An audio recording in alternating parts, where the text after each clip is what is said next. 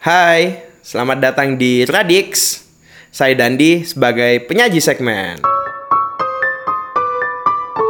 Saat ini telah bersama saya eh, salah satu pegiat film di Kota Malang, Bung Nasiru Setiawan. Halo Bung.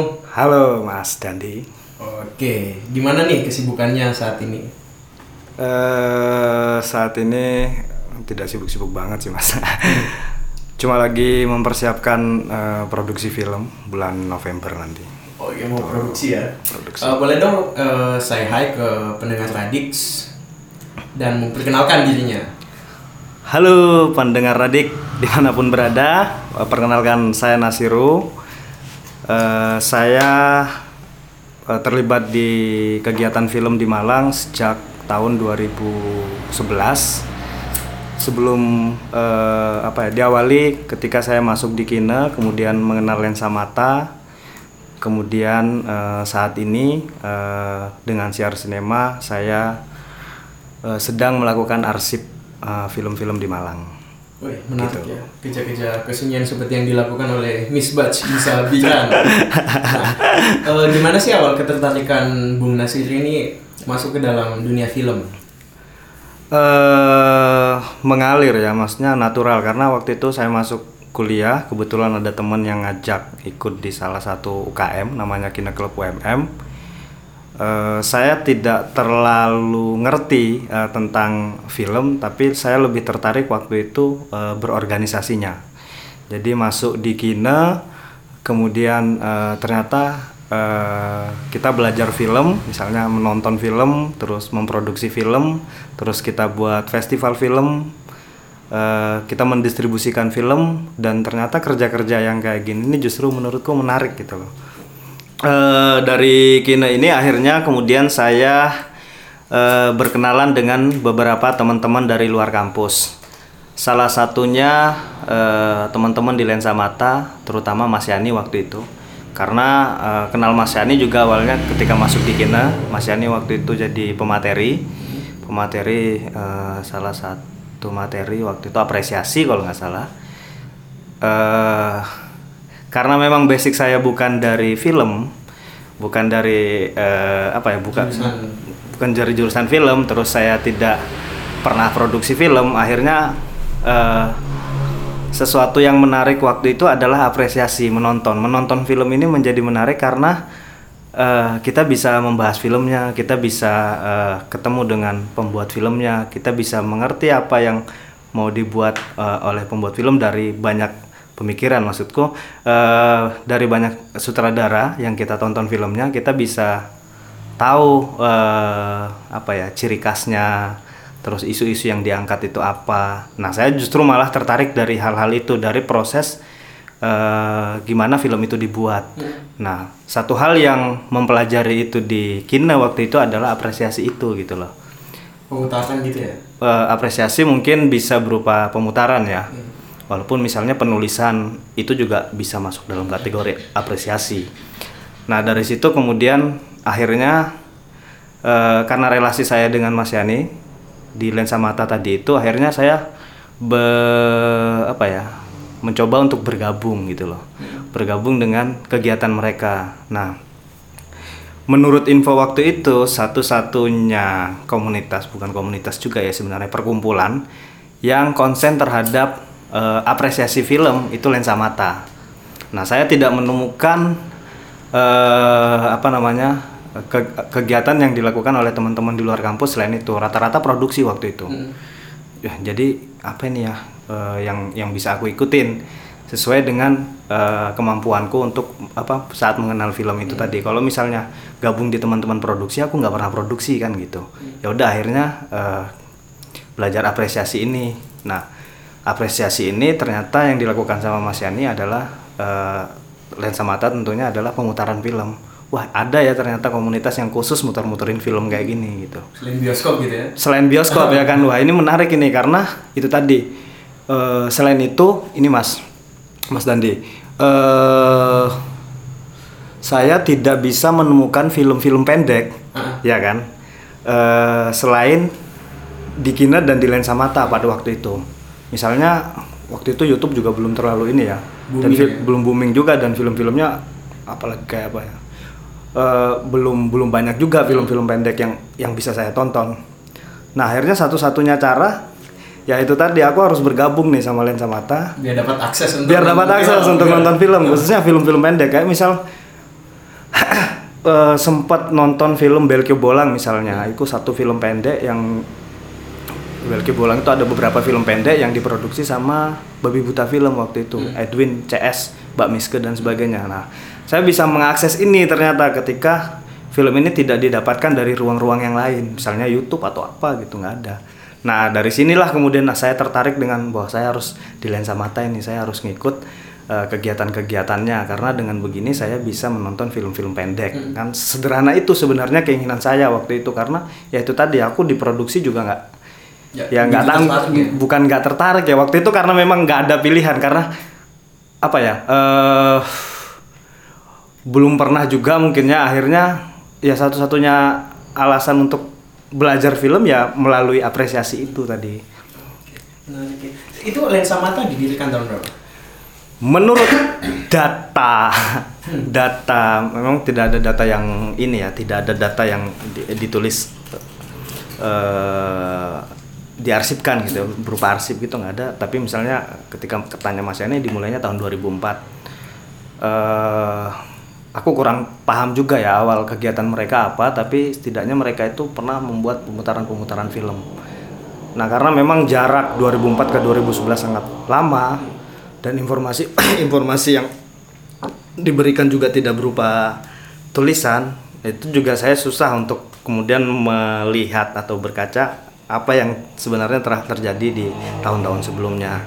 Cuma memang eh, akhirnya saya melihat eh, apa ya eh, kerjanya Mas Yani misalnya eh, berhubungan dengan beberapa orang-orang yang eh juga terlibat di film yang cukup lama misalnya Mas Edwin, Mbak Meske, terus beberapa orang-orang yang lain yang memang sudah berkecimpung di film itu cukup lama. Nah, artinya mereka sebenarnya punya relasi yang kuat dari sebelum saya masuk itu.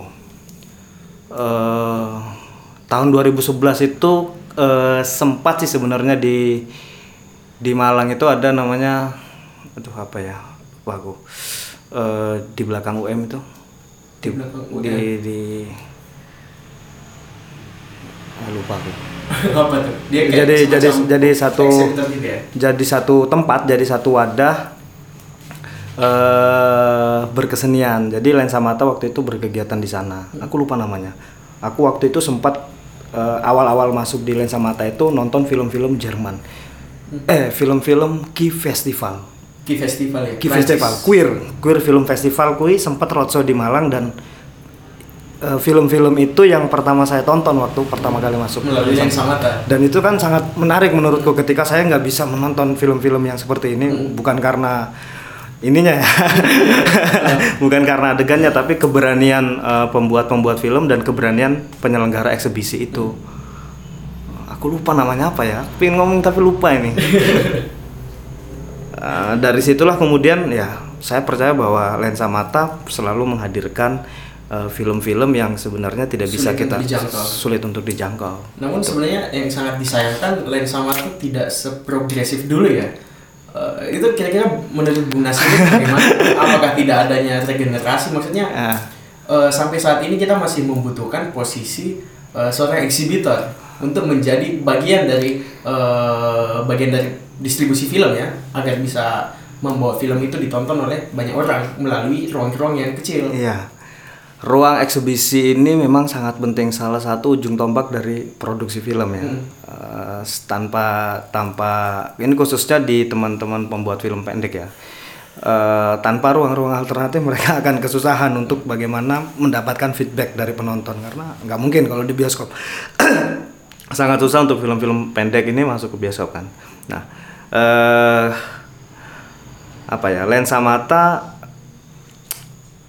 saat-saat akhir ini kemudian eh, menjadi sangat eh, tidak berkegiatan itu ya itu tadi balik lagi ke ke SDM-nya ya. Mungkin ke SDM-nya terus ke kalau semangat itu masih ada kita masih menyimpan semua semangat walaupun kita tidak membuat kegiatan kita menyimpan apa ya istilahnya kayak gitu tuh Mas Danti jadi sebenarnya kita ini masih pengen membuat kegiatan-kegiatan dan pemutaran film tapi ya itu tadi eh, Kekurangan SDM ya ke- ya selain SDM sebenarnya kita bentrok dengan kebutuhan-kebutuhan yang memang Masing-masing. ya, ya, kebutuhan masing-masing itu gitu loh Ah, terus eh, pada mulanya kan Bung Nasir ini nggak tertarik dengan produksi, tapi lebih ke distribusi ya, maksudnya lebih ke distribusi dan lebih- eksibisi lebih, ya. ya, lebih ke distribusi dan eksibisi. Nah, eh, menurut Bung Nasir sendiri itu eh, mengapa layar alternatif itu penting untuk hadir di, di hadir menjadi bagian dari swasta perfilman?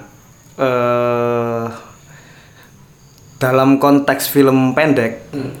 ya ataupun misalnya film panjang tapi dalam hal ini saya ngomongin konteks film pendek itu sangat penting ketika ruang-ruang alternatif ini eh, hadir di apa ya misalnya di Malang gitu ya ini akan menjadi satu ruang di mana pembuat film penonton bisa bertemu kemudian mereka punya feedback. Misalnya su- eh, pembuat film sangat membutuhkan feedback berupa misalnya eh, komentar dari film yang dia dia buat ya kan. Penonton juga seperti itu mereka membutuhkan eh, apa ya tayangan atau tontonan yang eh, sebenarnya tidak bisa dia dapatkan sama halnya dengan saya tidak bisa dia dapatkan di ruang-ruang yang lain gitu. Jadi eh, apa ya ruang alternatif ini ya itu tadi sangat penting sangat penting sekali. Eh, di Malang itu juga sempat misalnya pasca pasca lensa mata nggak pasca juga sih tapi lebih ke sempat beberapa kelompok-kelompok itu bermunculan tentang pemutaran film misalnya eh, kita ngomongin yang di luar kampus ya. Misalnya kayak eh, gambar oba waktu itu ada melati dan mahesa waktu itu sempat membuat kayak program eksebisi gitu dengan pemutaran tematik setiap bulan sekali. Dan eh, waktu itu di Dilo ya di Telkom itu. Nah eh, kemudian apalagi ya? Eh lintang lintang CS itu buat lelakon dengan pemutaran eh, beberapa film-film yang dihadirkan dari luar kota Malang untuk ditonton. Tapi kemudian itu seiring berjalannya waktu kemudian hilang begitu saja. Eh, saya tidak tahu jelas alasannya apa yang jelas itu hilang gitu kan. Berjalan setahun atau dua tahun kurang lebih kemudian hilang. Kemudian muncul lagi eh sempat waktu itu di apa ya namanya di daerah anak-anak unmu itu sempat membuat pemutaran di salah satu kafe gitu tuh ya tiga kali atau empat kali pemutaran kemudian hilang. Iya. Tapi memang ritmenya seperti itu mas Dandi. Eh, yang saya rasakan karena memang ada ada hal lain ya yang yang mungkin menjadi alasan kenapa teman-teman ini akhirnya berhenti. Ya kok nggak ngerti ini berhenti atau atau lagi tidur nanti suatu saat bisa bangun lagi. lagi. karena yang dilakukan lensa mata juga gitu sempat. Ya akhirnya eh, tidak berkegiatan sama sekali. Tapi bukan berarti bahwa itu lensa mata tidak ada. Eh, tahun 2010 kalau nggak salah kalau nggak salah ya. Pokoknya sempat satu tahun gitu itu Vakum. vakum. Vakum dalam artian mereka tidak membuat kegiatan. Akhirnya eh, 2011 kalau nggak salah itu Muncul kembali. muncul kembali dengan ya itu tadi menghadirkan beberapa film-film yang dibawa oleh Indok kalau nggak salah Nah, tapi kalau menurut Bung Nasir nih, selain sumber daya ya, atau mungkin selain tidak adanya regenerasi, kira-kira apa sih yang membuat eh, komunitas-komunitas tersebut redup untuk melakukan eh, kegiatan distribusi layar alternatif? eh coba kalau kita misalnya melihat selain eh, kelompok-kelompok atau komunitas di luar kampus sebenarnya ada teman-teman yang kampus kan. Misalnya di Kina Klub UMM terus Nol Derajat terus Sosieto terus Unmer itu apa? Sinedek. Ha. Eh, pada dasarnya mereka punya program kerja itu. Mereka punya program kerja eksebisi film pemutaran film. Tapi internal ya. tapi nampaknya uh, saya saya saya maksudnya uh, uh, apa ya kurang kurang ngerti. Tapi yang terlihat adalah mereka seolah-olah membuat kegiatan yang mereka rayakan sendiri. Karena eksebisi menurutku juga sebagai perayaan bagi pembuat film dan penonton kan gitu. Tapi itu mereka muter-muter sendiri nonton-nonton sendiri. Ya, yang terlihat pada akhirnya kan kayak gitu. kalau sebenarnya dibuka untuk umum ya. Walau- walaupun memang sebenarnya mereka punya niatan gimana caranya ini un- mengundang mengundang yang di luar Ah, ah, benar. Ya bisa jadi Mas Mas Dandi ya, ini asumsi ya, bisa jadi karena mereka ngadainnya di kampus ya. Otom- Otomatis target penontonnya juga kemungkinan yang dikejar adalah orang-orang kampus kan gitu. Eh, aku nggak tahu ya, misalnya lensa mata itu juga buat pemutaran film, misalnya di luar kampus yang datang juga beragam orang gitu loh. Atau mungkin eh, persoalan tempat menjadi penentu gitu. Tapi bisa iya mas, karena eh, ketika kita mau non, misalnya gini, ketika saya sebagai penonton ingin menonton film-film eh, lensa mata misalnya, saya harus pergi ke Ringin Asri misalnya, Iya. iya kan? Eh, ada tempat yang memang di branding apa bahasanya itu yang seolah-olah ketika kita mau nonton film-film pendek lensa mata kita datang ke Indonesian ah, atau ke sana ke, ke rumah makan Ringan Asri itu kan karena memang kegiatannya terfokus di sana. Nah, eh, aku nggak ngerti teman-teman itu eh, memperlakukan tempat itu juga menjadi salah satu yang penting apa enggak kan gitu. Karena ya itu tadi ketika kita membahas soal eh, eksibisi ini kan pasti berhubungan dengan programming, perencanaan dan sebagainya. Nah, eh, tempat ini menjadi sesuatu yang diperhatikan banget apa enggak sama teman-teman. Ketika itu nggak diperhatikan juga kan jadi bahaya. Iya betul betul. Nah terus sekarang kita akan ngobrolin teknis nih. Kalau kita berbicara tentang layar alternatif, otomatis kita akan membutuhkan tentunya layar ya, sound, bagaimana tempat duduk, bagaimana jarak pandang penonton dengan film, eh, bagaimana angle-nya, kiri kanan, depan belakang atau bagaimana.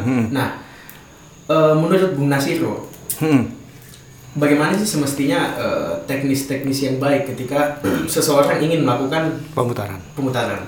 Maksudnya ada film yang menggunakan sound ini tapi ketika eh, sound yang digunakan saat pemutaran itu beda dengan sound yang di, di, di- digunakan oleh pembuat film, tentu hasilnya akan beda tuh. Nah, Iya, itu iya. kira-kira bagaimana tuh? Kalau misalnya ada kendala-kendala seperti itu. eh pengalaman saya misalnya pemutaran film tentu saya belajar dari lensa mata ya eh ruang ini menjadi sangat penting kita tidak melihat ruang pemutaran ini sebagai ruang biasa dia adalah ya itu Di- tadi memang disulap untuk bioskop gitu ya. di, disulap untuk bioskop. Jadi eh, apa ya? Dengan segala keterbatasan alat yang kita punya, dengan segala keterbatasan apa ya? eh, alat, uang, apalagi itu kira-kira eh, tempat yang kita punya, maka kita harus setidaknya eh, punya rancangan seolah-olah ruang pemutaran ini bioskop. Nah ini kasus yang terjadi di beberapa teman-teman pemutar film di Malang. Selain satu tadi itu persoalannya adalah mereka tidak punya tempat yang tetap. Ini persoalan menurut saya. Yang kedua adalah mereka tidak memperhatikan hal-hal teknis. Iya. misal gini dia mutar di satu kafe dengan kondisi ruangan yang sangat ramai Iya banyak yang kayak gitu. Sampai Iya kan? Masih banyak. Nah kan, ini ini menurutku persoalan. Persoalan karena ketika kita datang menonton, kita terdistorsi dengan suasana lainnya. dengan suasana sehingga kemudian film-film yang kita putar ini akan terganggu. Nah, kadang pembuat film merasa gak suka dengan kondisi-kondisi kayak gitu. Biasanya si pembuat film ini akan apa ya? Ada tes screening misalnya. Mereka misalnya Sebelum mulai ya? sebelum mulai. Kalau misalnya ini gimana nanti muternya di mana, ruangannya gimana, ada yang kayak gitu. Terus eh, pakai sound apa, jadi banyak hal-hal teknis yang ditanyakan. Ketika misalnya ruangan itu tidak Layak. tidak layak untuk pemutaran film, maka kemudian pembuat film akan berhak untuk menolak gitu. Nah, ket- membatalkan ya? membatalkan. Nah, di saat-saat yang kayak gitu kan kita harusnya menyadari sebagai pemutar film, seharusnya kita juga bisa menghargai pembuat film tadi itu. Dengan apa? Dengan memaksimalkan ruang tadi itu. Saya saya saya sangat terganggu ya dengan misalnya kita harus muter di ya itu Kafe tadi gitu. kafe Kedai kafe di kafe yang yang tadi itu aku nggak ngerti kebutuhannya teman-teman apa gitu loh kebutuhannya misalnya Atau karena mungkin lebih karena ingin mempertemukan filmmakernya dengan penontonnya ya. Sehingga ya dia meminggirkan hal-hal teknis itu dan lebih mengutamakan bagaimana sih filmmaker ini, bagaimana film ini bisa sampai ke penonton. Bagus atau enggak teknis pemutarannya.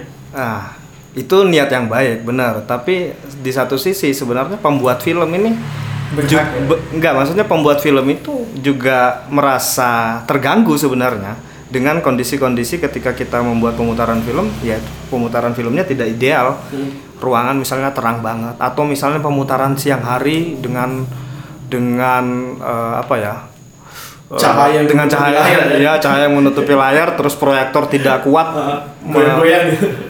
Ya itu tuh kan juga cukup mengganggu gitu loh. Kayak misalnya aku tuh justru banyak belajar hal-hal teknis di lensa mata. Semuanya harus presisi. Hmm. Semuanya harus presisi. Layar, terus Penataan sound. penataan sound, penataan apa namanya screen itu tuh harus presisi. Ya, ya mungkin itu ya. Mas Yanis tidak juga menjelaskan secara langsung. Kamu harus membuat ini supaya eh apa namanya supaya terlihat apa gitu. Tapi kita yang kemudian menafsirkan bahwa oh iya ini ini cara cara Mas Yani menampilkan sesuatu yang kupikir penonton nyaman. nyaman intinya itu. Maka kuncinya adalah kenyamanan tadi itu. Kenyamanan penonton ini juga menjadi penentu eh apa namanya? Eh ruang-ruang alternatif yang ideal tadi itu. Terus apa ya? Eh eh, kursi mungkin karena biasa ada kursi yang memang eh, apa ya medan lantainya itu nggak nggak datar kan Ah, Jadi ah, otomatis dibuat ah, datar ah. gitu Ya kalau itu kan kita balik lagi ke soal keterbatasan tadi itu. jadi Tapi- mau nggak mau tetap datar ya Iya, ya tetap diusahakan. Yang memang lebih baik adalah ruangan yang ada levelnya itu kan, biar tidak terganggu. Tapi memang kadang situasi di lapangan ya tidak bisa Segitu seperti aja. Ah, gitu loh. Tapi sebenarnya itu bisa diakali dengan persiapan yang matang sebenarnya Bung Dangdi. Eh, saya juga curiga dengan teman-teman ketika mau ngadain pemutaran itu sifatnya dadak gitu loh.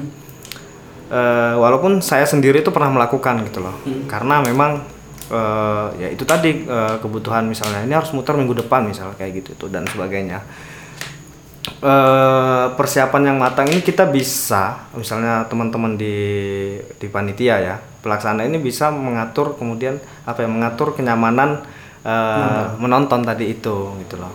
Ya intinya adalah sederhananya adalah eh, untuk membuat ruangan yang ideal di ruang alternatif ya sebisa mungkin coba belajarlah dengan bioskop komersil. Iya. sederhana itu ruang gelap sound yang Oke, mungkin gitu. stereo oke ya kan karena itu juga cukup mengganggu ketika soundnya keras atau soundnya cuma satu itu cukup cukup mengganggu apa ya rasa menonton tadi itu Ya, karena konyol sebenarnya kalau filmnya udah dibikin sebagus mungkin soalnya yang muncul cuma kiri kan Hmm. nah Aneh itu ya. aneh kan itu tidak aneh muncul. karena misalnya tidak muncul misalnya kayak gitu gitulah ya teman-teman itu mungkin harus memperhatikan itu juga ya Hmm. aspek suara dan aspek visual tentu dengan ruangan yang mendukung. Begitu mas Tandi Berarti mungkin eh, ke depannya nih Bung Nasiro perlu mempertimbangkan eh, menghadirkan atau membuat sebuah kelas-kelas khusus untuk eksibitor ya sehingga teman-teman yang memang begitu serius untuk Hmm. menjadi orang di balik layar yang mempersiapkan bagaimana pemutaran yang baik seharusnya terjadi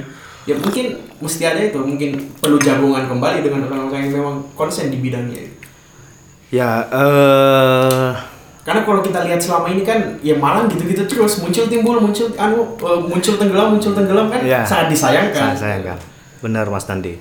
Eh, sangat disayangkan sekali ketika eh, kita termasuk sebenarnya saya saya sebenarnya membicarakan ini juga membicarakan saya sendiri ya. Tidak punya kekuatan konsisten terhadap eh, apa ya? eh, ruang-ruang alternatif itu, Eh, kesadaran bahwa pentingnya ruang-ruang alternatif itu.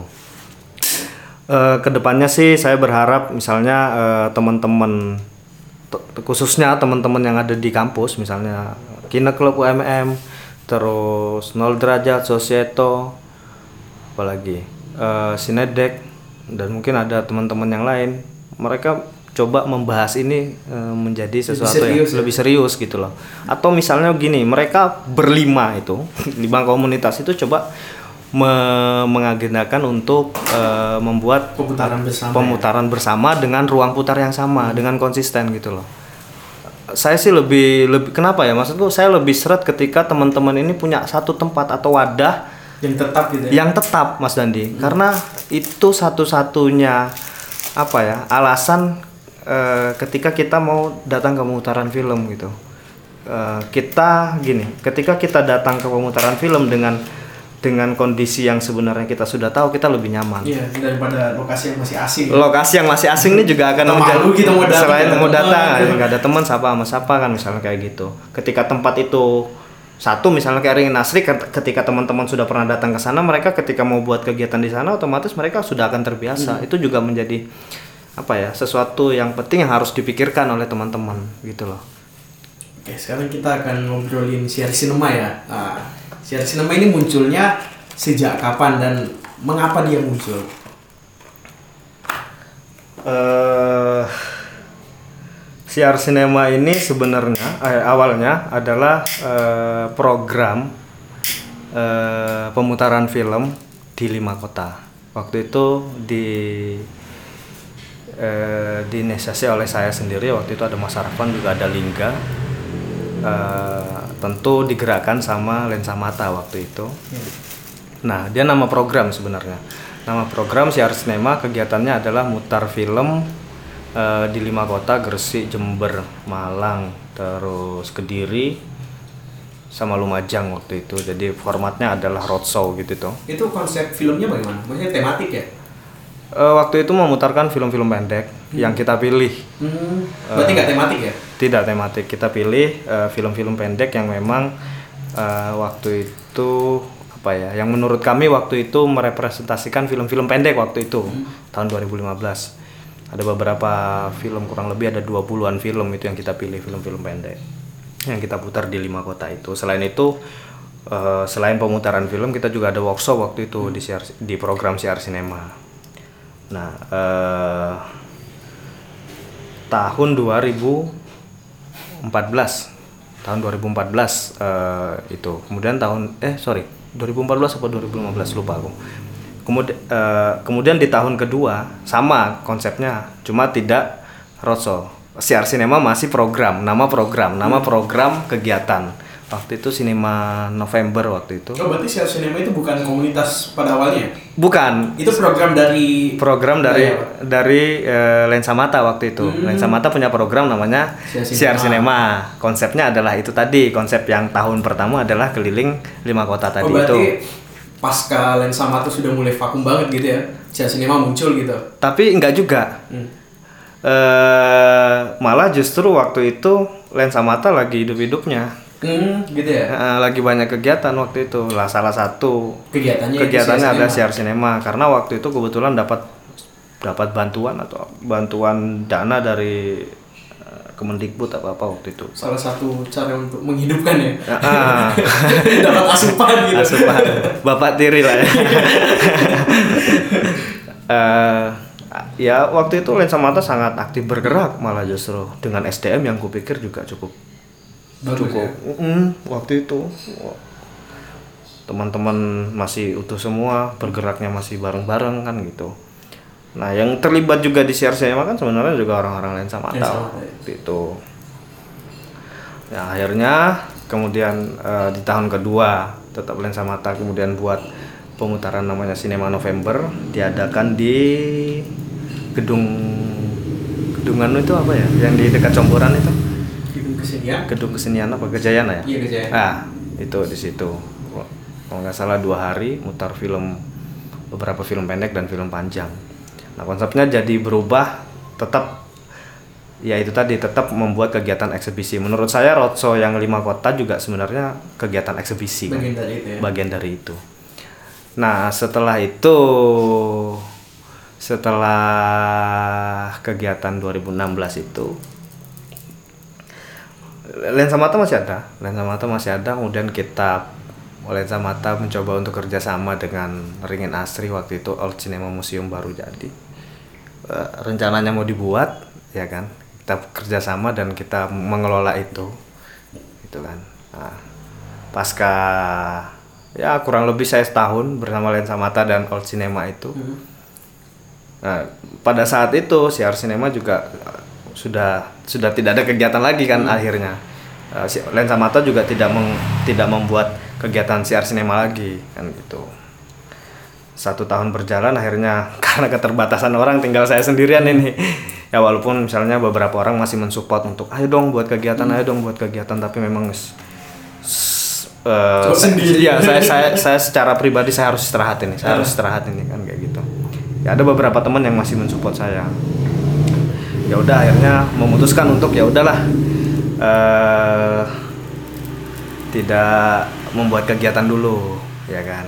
Nah seiring berjalannya Itu terakhir 2015 berarti ya? enggak itu tahun 2000 16.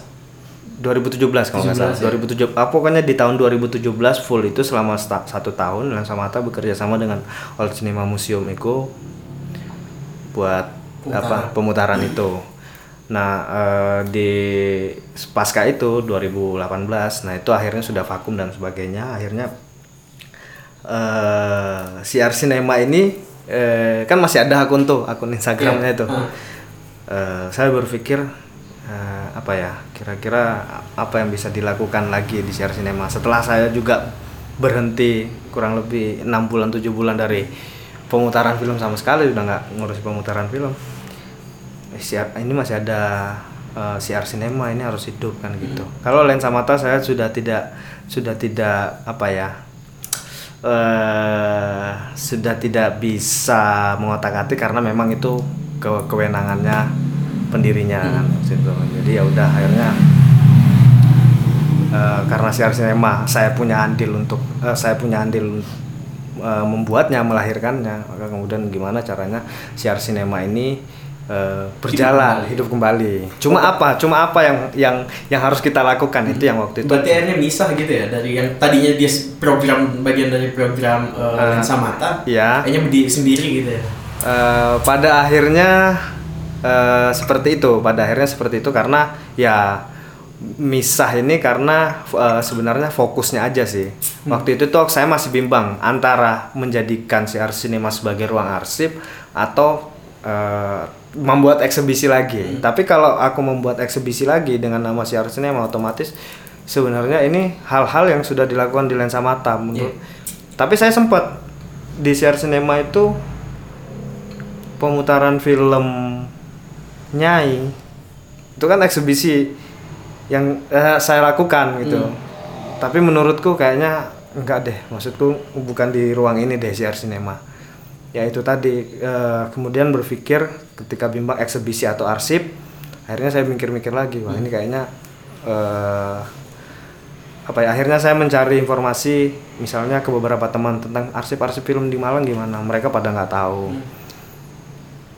Terus eh, kalau kita mau nonton film-film di Malang tahun segini itu ke mana? Itu mereka nggak tahu. Ini kan akhirnya oh kayaknya misalnya eh, siar sinema ini kita konsenkan ke ruang-ruang arsip gimana ya gitu loh. Kemudian saya berdialog apa ya berdiskusi dengan Mas Arfan salah satu pendiri siar sinema ya nggak masalah itu justru menarik kan kayak gitu gitu.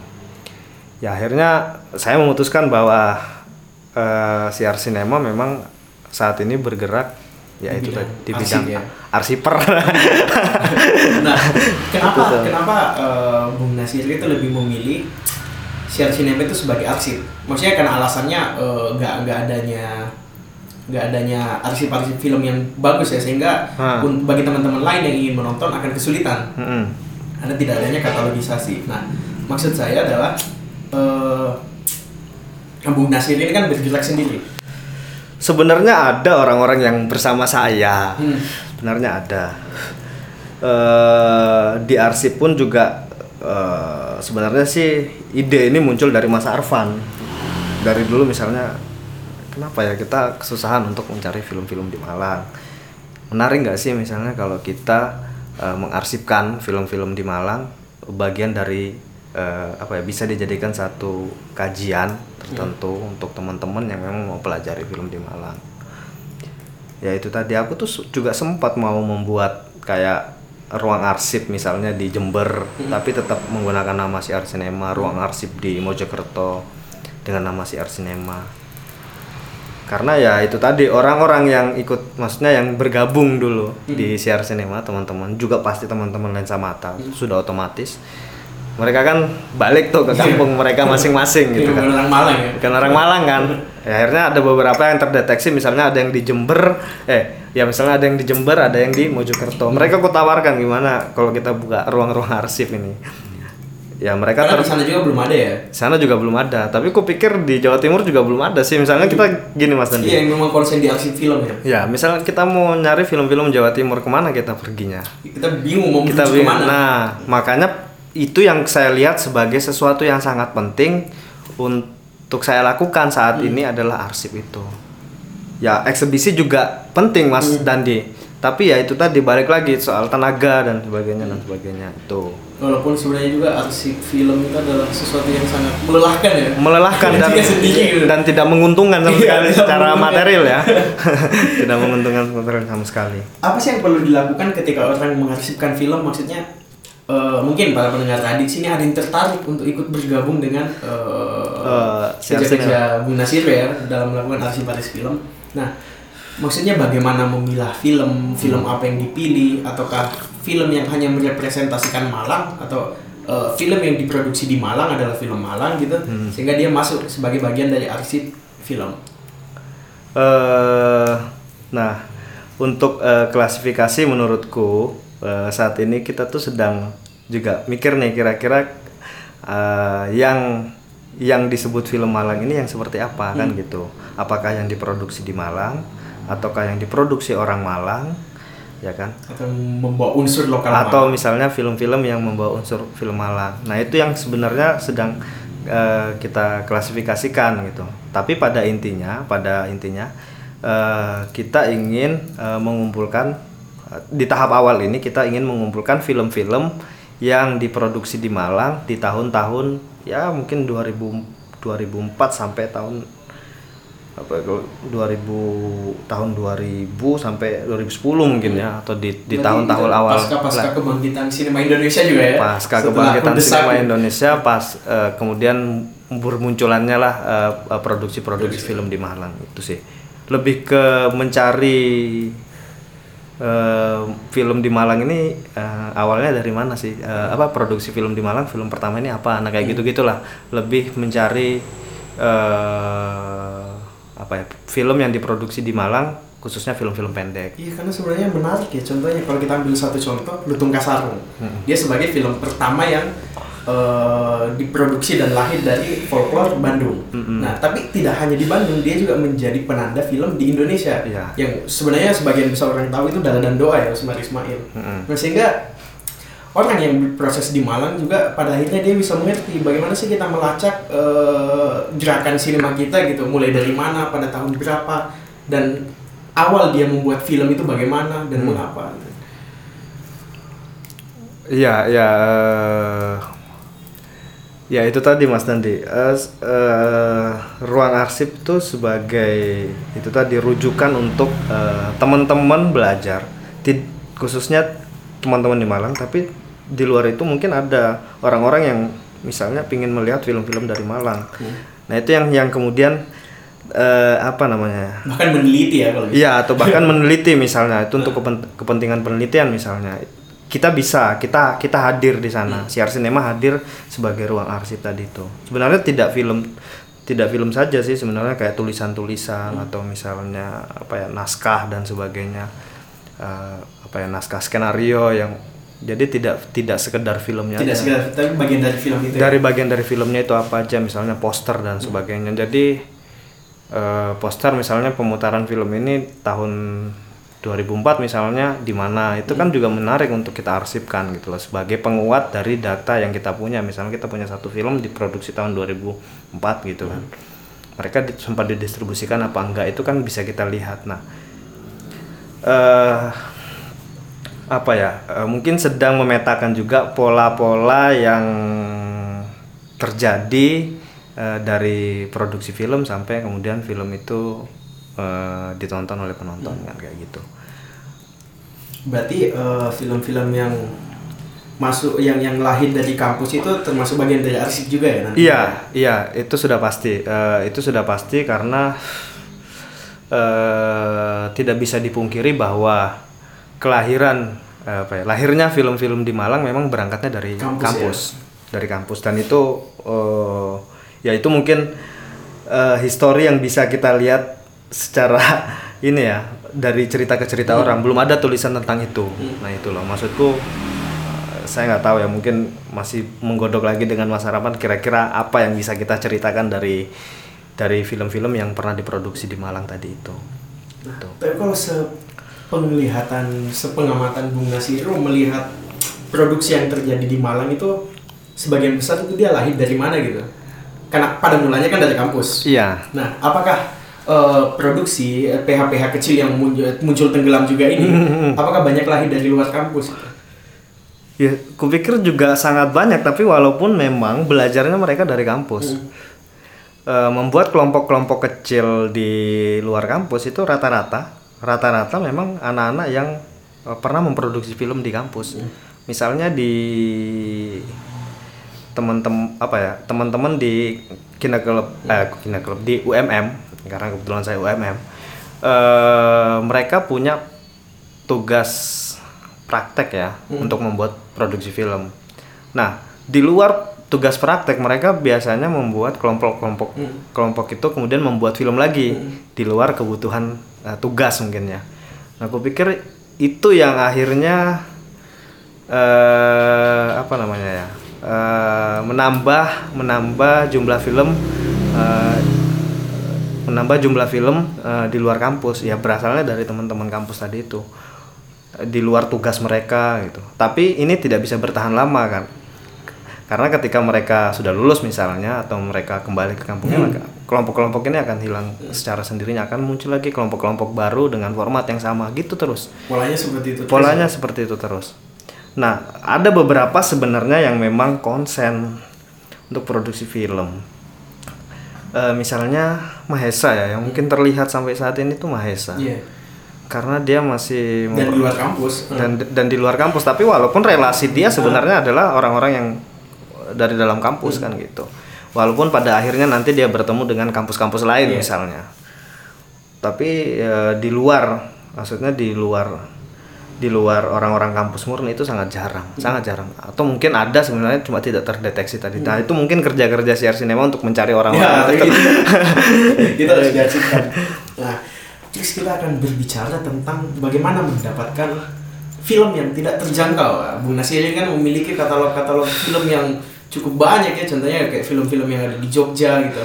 Nah, bagaimana cara mendapatkannya dan apakah film-film yang sudah menjadi arsip itu bisa terbuka untuk umum? Contohnya, orang dari luar tiba-tiba datang ke Malang nih, pengen tertarik melihat bagaimana perkembangan film di Malang. Apakah ruang itu terbuka untuk orang tersebut? Walaupun dia hanya ingin menonton, bukan untuk eh, bukan untuk seperti meneliti ya atau ingin Mhm.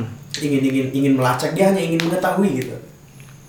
eh untuk saat ini ruang-ruang itu terbuka misalnya teman-teman dari luar itu bisa menonton film-film Mafi misalnya tinggal datang ke Kina atau misalnya mau nonton film-film Brawijaya Movie Exhibition itu tinggal datang ke Brawijaya. Brawijaya ke UB. Nah, film-film film-film yang mereka database kan adalah film-film yang justru berang, yang datangnya dari luar kota. Misalnya dari Purbalingga, dari Jakarta, dari Jogja.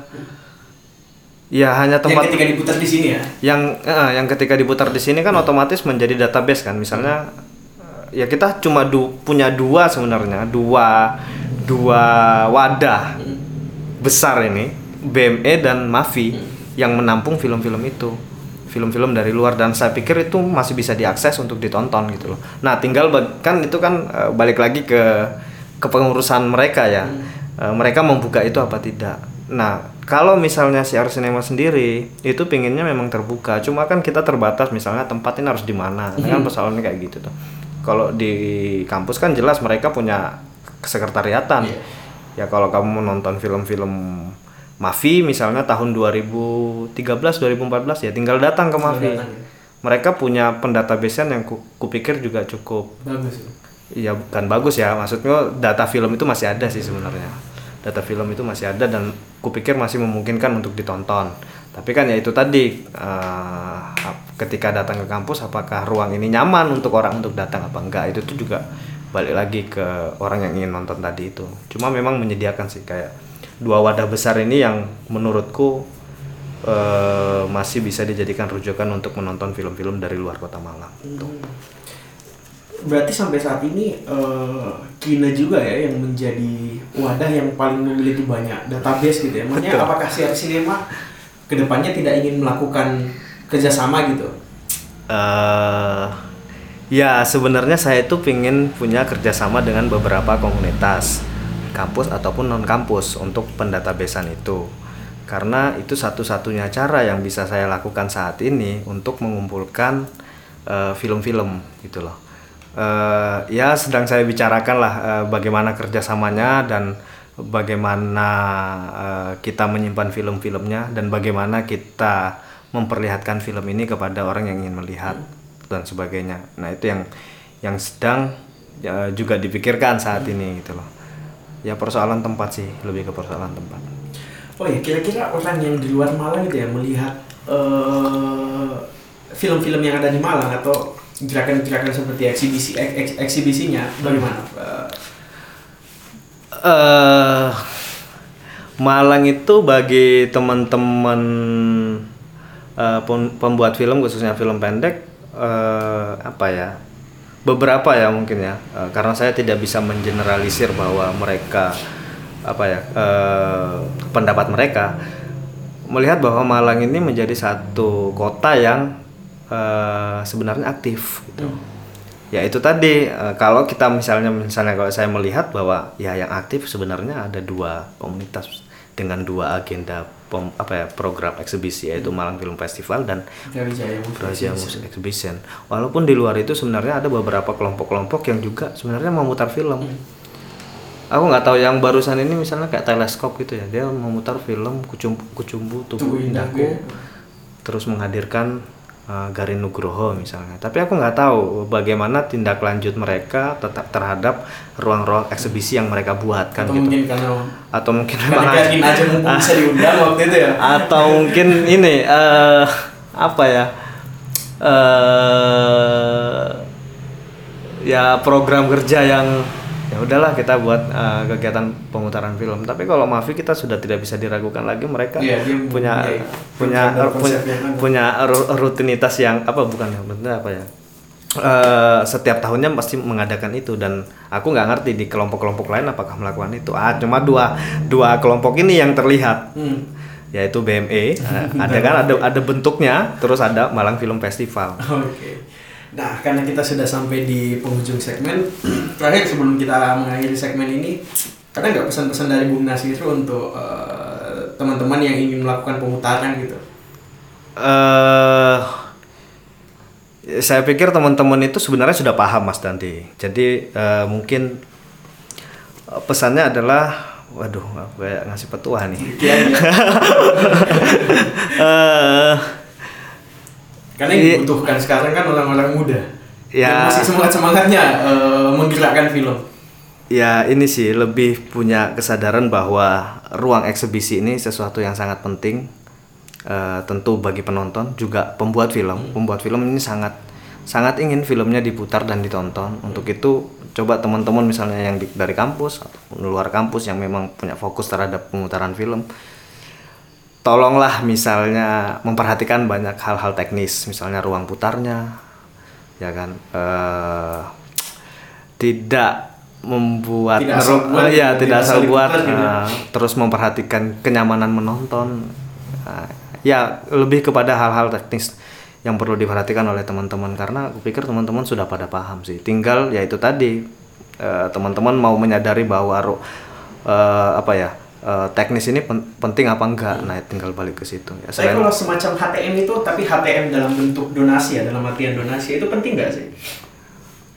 nah ini juga penting menurut Dan bagaimana mematok biayanya? Ah, ini eh setiap kelompok punya kebutuhan masing-masing pastinya kan.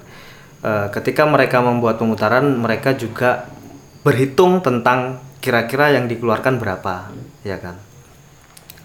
Nah, eh, HTM atau donasi bahasanya sebenarnya donasi ini untuk menghindari pajak. menghindari pajak karena ketika kita pasang HTM nanti petugas pajak datang ya kan. Nah, lumayan uh, apa hiburan 30% ya. Nah, donasi eh, donasi ini juga sangat apa ya penting bukan sekedar materialnya tapi sebenarnya eh, mengajarkan kepada penonton mengajarkan eh, kepada orang-orang yang datang untuk menonton ini tentang menghargai satu film tadi itu. Misalnya gini eh, untuk mematok pun ya itu balik lagi mas dan dibalik lagi ke kebutuhannya teman-teman. Ketika misalnya teman-teman eh, buat pemutaran film misalnya muter tiga film. Nah ini kebutuhannya misalnya selama pembuatan memutar film dia habis sekian gitu kan. Maka gimana caranya untuk menghidupi pemutaran dia tanpa harus membebankan material tadi itu. Tentu pasti bekerja sama dengan pembuat film. Pembuat film ini juga beragam. Mungkin ada yang ya wes gak popo putar aja gitu. Tapi ada donasinya mas ya wes gak popo wes. Donasinya PM gitu. Ada juga yang eh, anu ya eh, 30 berapa atau 50 50 ya pembagian sistem pembagian. Ya bermacam-macam gitu loh. Eh, ti- apa ya itu balik lagi sih ti- tidak ada aturan baku juga bahwa harus misalnya harus 20.000 ribu nggak ada juga gitu. Itu balik lagi soal kebutuhan dari pihak penyelenggara. Dari pihak penyelenggara yang bekerja sama dengan pembuat film tadi itu. Enaknya gimana? Ada gitu tuh. Yang enaknya penting nggak gimana? terlalu mahal gitu ya. Iya, yang Terus penting- boleh di bioskop gitu. Ya itu sih soal kesadaran aja kalau misalnya kamu muter lebih mahal dari bioskop dan pemutaranmu. Jelek. Ruangan, ruangan yang tidak kondusif kan juga malu-maluin kan Oke. Ya, itu tuh. karena eh, sudah saatnya kita harus berpisah dengan Bu Nasir jangan Bagi para pendengar tadi yang ingin berkenalan lebih jauh lagi dengan Bung Nasir bisa berjumpa dengannya melalui akun akun apa aja nih yang bisa diikutin? halo Instagram tuh. Instagram bisa Twitter juga bisa Instagramnya apa? halo Nasiru at At Halo Nasiro. ya, ya. Kalau Twitternya? sama Oke, bagi para pendengar adik yang ingin berkenalan lebih jauh, silakan langsung menuju at Halo Nasir. nambah nih follower nih dengar ada nambah follower Saya Dandi sebagai penyanyi segmen sampai jumpa.